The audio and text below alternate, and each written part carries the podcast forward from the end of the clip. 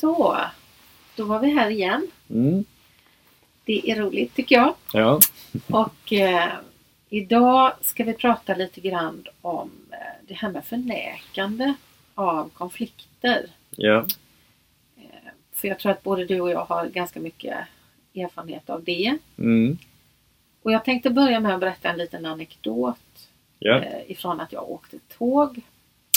Och eh, jag satt och läste en bok om konflikter och social identitet på tåget. Och mitt emot mig så sitter en man eh, från någon annanstans i världen som frågar mig om, om svaret finns i den här boken på vad man ska göra.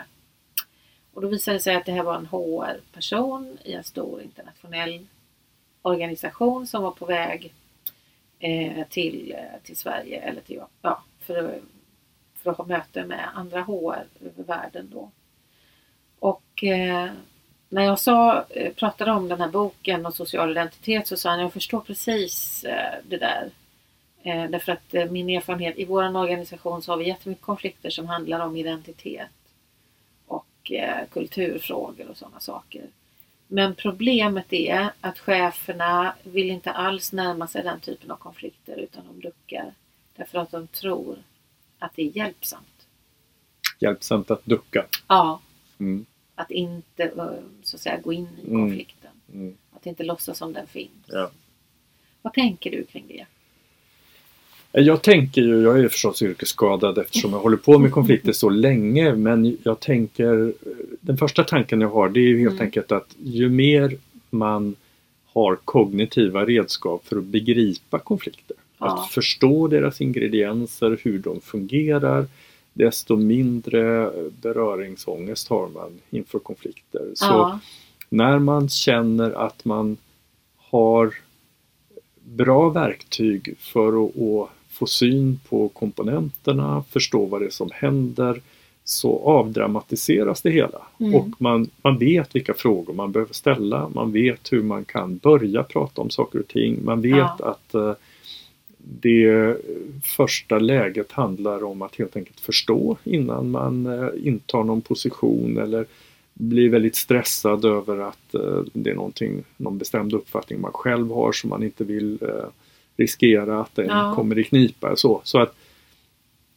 jag tänker att det är ett långsiktigt arbete med att i synnerhet personer som har ledande positioner och strategiska roller mm. att de behöver ha goda grunder i konfliktkunskap så att de inte känner att det är så hemskt och dramatiskt när det, när det blir, kommer upp konflikter utan Nej. man ser det som någonting normalt. Så, så.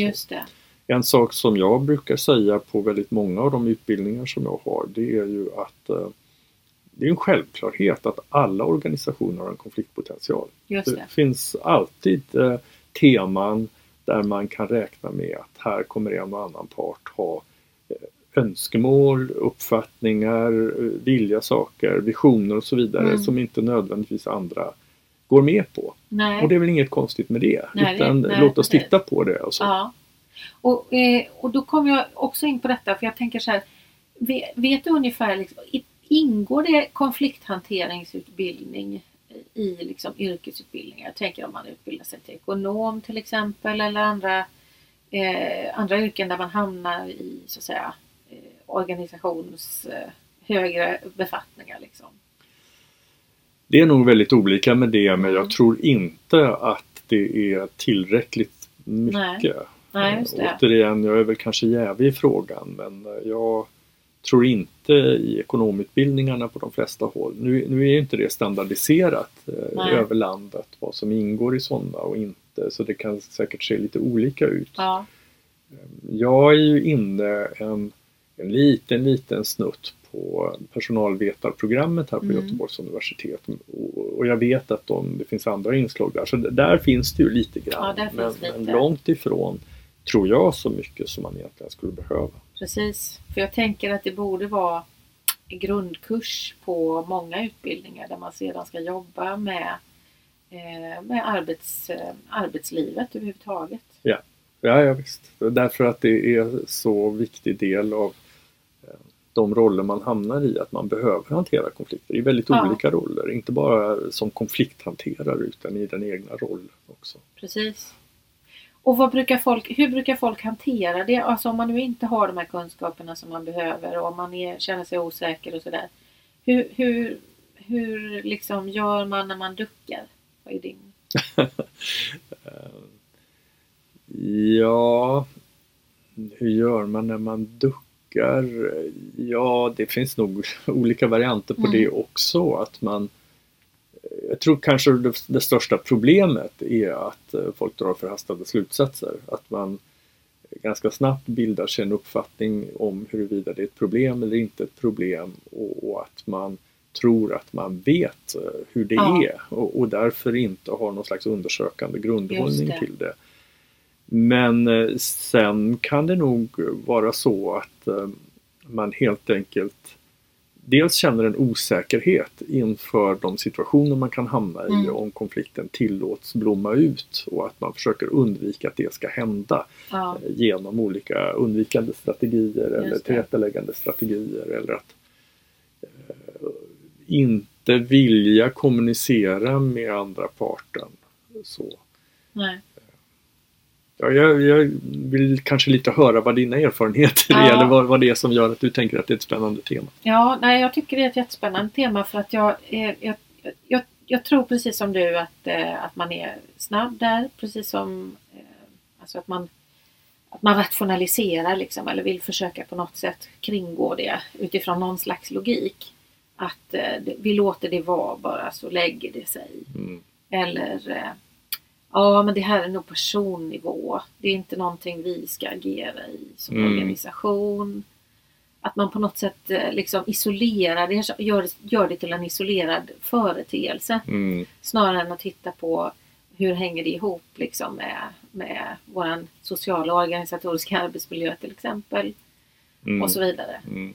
Eh, och sen tror jag också att folk är jätterädda för att kränka och att man tänker att man gör det och man adresserar liksom att eh, det verkar vara ett bekymmer här liksom som Mm. pågår. Ja, just det. Det kan säkert spela en viktig roll. Ja, tror jag. Ja, i, i början på senaste sommaren så tänkte jag inför ett uppdrag jag hade att jag skulle sätta ihop eh, jag är ju emot det där med enkla checklistor som talar om hur Mm. man ska göra och så. Men jag satte ändå ihop ett blad som jag kallade för konfliktlat hund för chefer. Ja, Med ett antal frågor mera som man kan behöva fundera kring för att navigera i eh, möjliga konfliktsituationer och så. Och den första, det är fyra avdelningar i den lathunden. Den första avdelningen handlar om osäkerheten när man ska ingripa eller inte ingripa. För att det är en fråga som jag ofta får att eh, chefer i synnerhet då känner sig genuint osäkra på. Jag gör det hela värre ja, om jag nu eh, lyfter Precis. det här eller Ja. Vill att det, ska- vi ska prata om det eller så. ja, Och det är ju inte alltid så lätt att göra sådana bedömningar. Men det finns tre frågor där som jag tycker kan vara till hjälp. Dels för att göra bedömningen om finns det anledning för mig att ta tag i detta. Och dels att också göra bedömningen eller bestämma sig för att om parterna är avvisande och Mm. inte vill att man ska ta tag i frågan. Att vad har jag för mandat att begära av parterna att Just vi det. ska hantera detta. Så det är tre frågor. Den första frågan är eh, Påverkar det verksamheten på ett påtagligt sätt? Exakt. Eh, för att om det gör det, om man märker att här finns samarbetssvårigheter Ja. eller en olöst fråga som leder till sämre effektivitet, Ja. sämre kvalitet, risker eller andra Mm. saker i verksamheten. Då har man ju som chef ett ansvar att se till att eh, åtgärda Mm. detta. Mm. Och samtidigt så har man väldigt fast mark under fötterna att begära av parterna. eh, De kan ju säga, "Du, lägg dig inte i det här, det, det har du inte med att göra så. Jo, jag har med det att göra. Mm, om det precis. påverkar verksamheten. Precis. Jag kan inte begära att människor ska lägga upp sitt innersta själs och känsloliv Nej. på bordet och privata förhållanden och så. Men jag kan begära av dem att de ska medverka till att verksamheten fungerar. Så den delen, där har jag eh, ganska eh, starkt mandat. Ja. Den andra frågan har att göra med, och och den, den är ju relevant även om verksamheten fungerar tillräckligt bra, så att säga, good Mm. enough. Och det har ju med arbetsmiljöansvaret att göra. Precis. Det vill säga, är det så dålig stämning att folk eh, har ont i magen när de går till jobbet, Mm. vantrivs, eh, tycker Mm. att det är dålig arbetsmiljö och så. Då har man ju både anledning och mandat att ingripa på samma sätt. Då? Att jag, Ja. jag kan säga till folk, jaha men ni tycker att vi inte behöver reda ut det här men det påverkar arbetsmiljön så mycket så att det är min skyldighet som Ja. arbetsgivare, företrädare att ta tag i detta. Då. Precis. Sen kommer den tredje frågan och den är, den är ju lite luddigare och svårare och det har att göra med risken för konflikteskalation. Mm. Det vill säga, det kanske är så att det påverkar inte verksamheten. Det är inte heller så att det är någon som påtagligt mår dåligt. Men jag Nej. kanske kan se då att tar vi inte i det nu så är risken ganska stor att det kommer att väcka mycket frustration och att den frustrationen kommer att leda till att det blir värre framöver. Mm. Och då drar jag slutsatsen det är mycket lättare om vi tar det nu medan fortfarande hanterbart än att människor blir väldigt frustrationspåverkade och börjar hata varandra Mm. eller eh, förskansa sig i positioner och Mm. bilda allianser och alltihopa Exakt. detta och då blir det mycket mer tungjobbat. Ja. Men det vet vi ju inte. Vi vet ju inte om folk kommer att lösa det själva eller Nej. om man behöver göra en insats. Nej. Men jag tycker det kan vara frågor att fundera kring när, Ja, man, när man är osäker.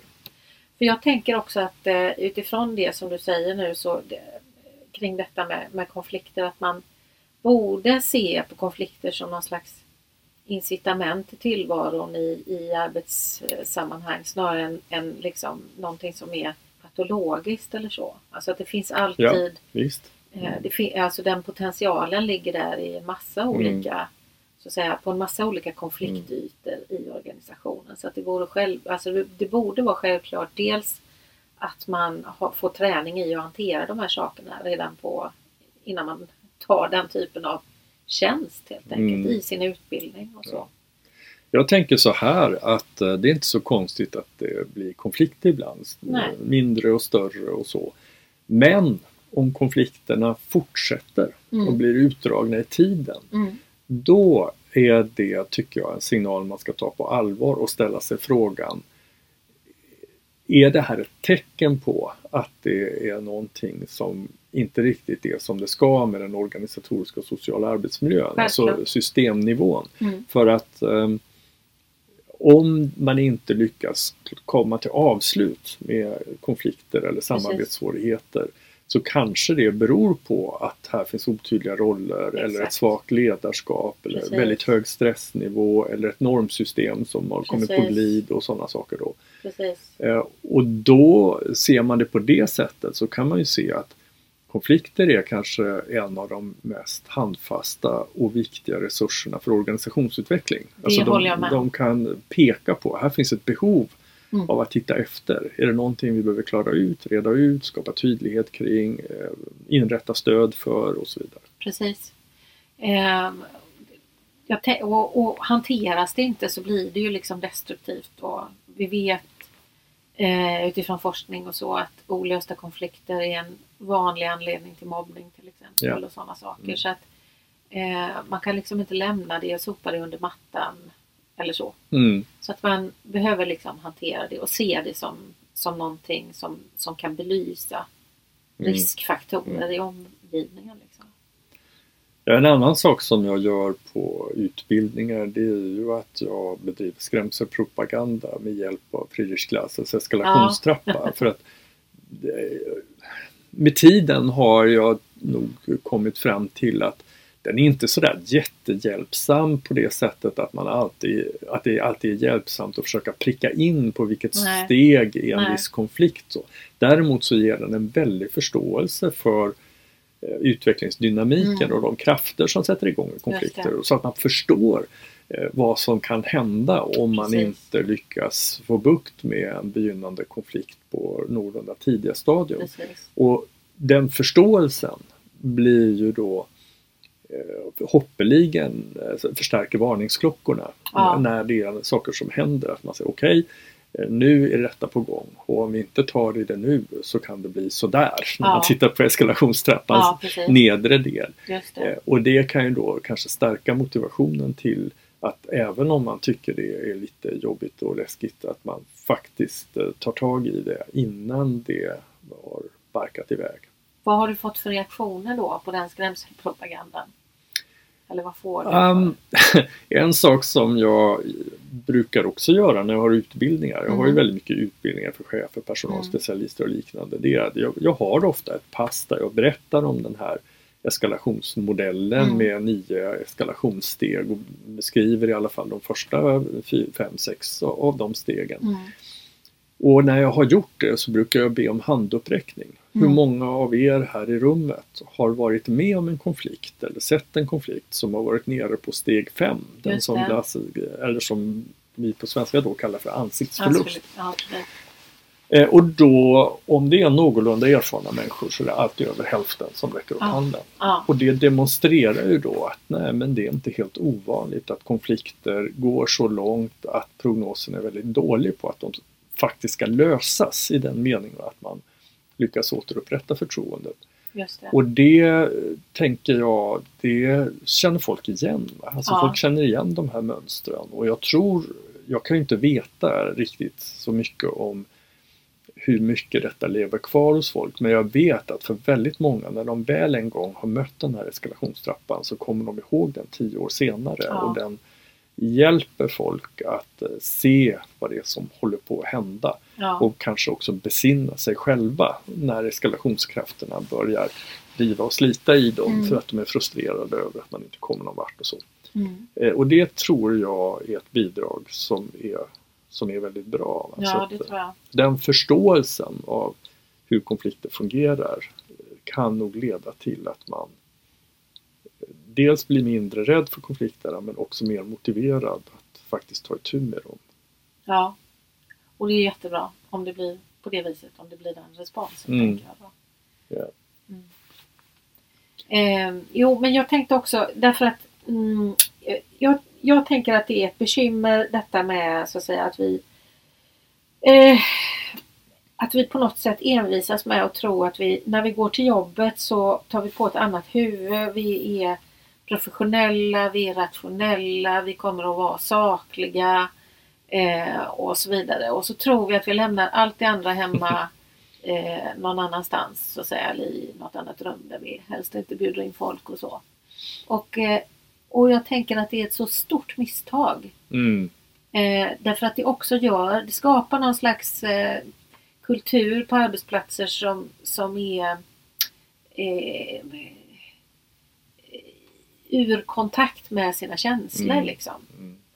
Och att känslor, ilska och ja, vad det nu kan vara, starka, starka känslouttryck Mm. ses som liksom problematiska. Ja, Jag kommer genast att tänka på den eh, tyska organisationskonsulten och medlaren Christoph Thomann som ju började sin bana som familjeterapeut Ja. och som har med sig väldigt mycket därifrån när han Ja, numera huvudsakligen jobbar med organisationskonflikter Ja. och så. Uppdrag i organisationer. Och han eh, är ju ganska radikal i sin syn på det. Han menar att konflikter som väcker mycket känslor och blir djupgående där är det väldigt ofta så att konflikten har aktiverat eh, inkapslade ja, känslor ja. som man har med sig eh, eller reaktioner och bilder och så som man har med sig från andra håll i livet. Mm, mm. Och att det då kan vara väldigt svårt att faktiskt lösa konflikterna om man inte kommer dit hän att parterna kan visa upp sina känslor och reaktioner för varandra och Ja. därmed bli mänskliga inför varandra. Just det, just det. Samtidigt är det ju så att många som eh, hör om Kristoff Thomans metodik, han Mm. har ju en sån här internatmetodik, eller att han jobbar Okej. flera dagar i sträck med en Mm. konflikt för att verkligen ta tjuren vid hornen. Och så. Ja, Att de, eh, man drar öronen åt sig därför att det här blir mer eller mindre terapi. Va? Alltså Okej, att man mm. öppnar upp för väldigt personliga Ja. saker. Och det, det, är en, det är en balansgång och Ja. där får man vara väldigt försiktig. Men han har säkert eh, absolut rätt i det att i många konflikter så finns den ingrediensen. Det kommer in någonting där eh, som inte har med bara det aktuella händelseförloppet på jobbet att göra. Utan det är andra saker som aktiveras där också och de är ofta inte åtkomliga eller eh, man, det är inte man är inte medveten om det kanske, och hur Nej. starkt man reagerar eller varför man reagerar så starkt på vissa saker. Då. Nej. Men kan det inte också vara, för jag, eh, jag förstår, jag förstår liksom den, eh, vad ska vi säga, det psykologiska perspektivet och sådär då. Men, men det är också så att man, att vi hela tiden reagerar som hela människor. Alltså på saker som inträffar. Vi är så att säga inte robotar utan Mm. Vi kommer också att reagera och tycka att det är oförrätter Mm. och Ja, vad det nu är för visst, någonting. visst. Eller bli oroliga Mm. eller så.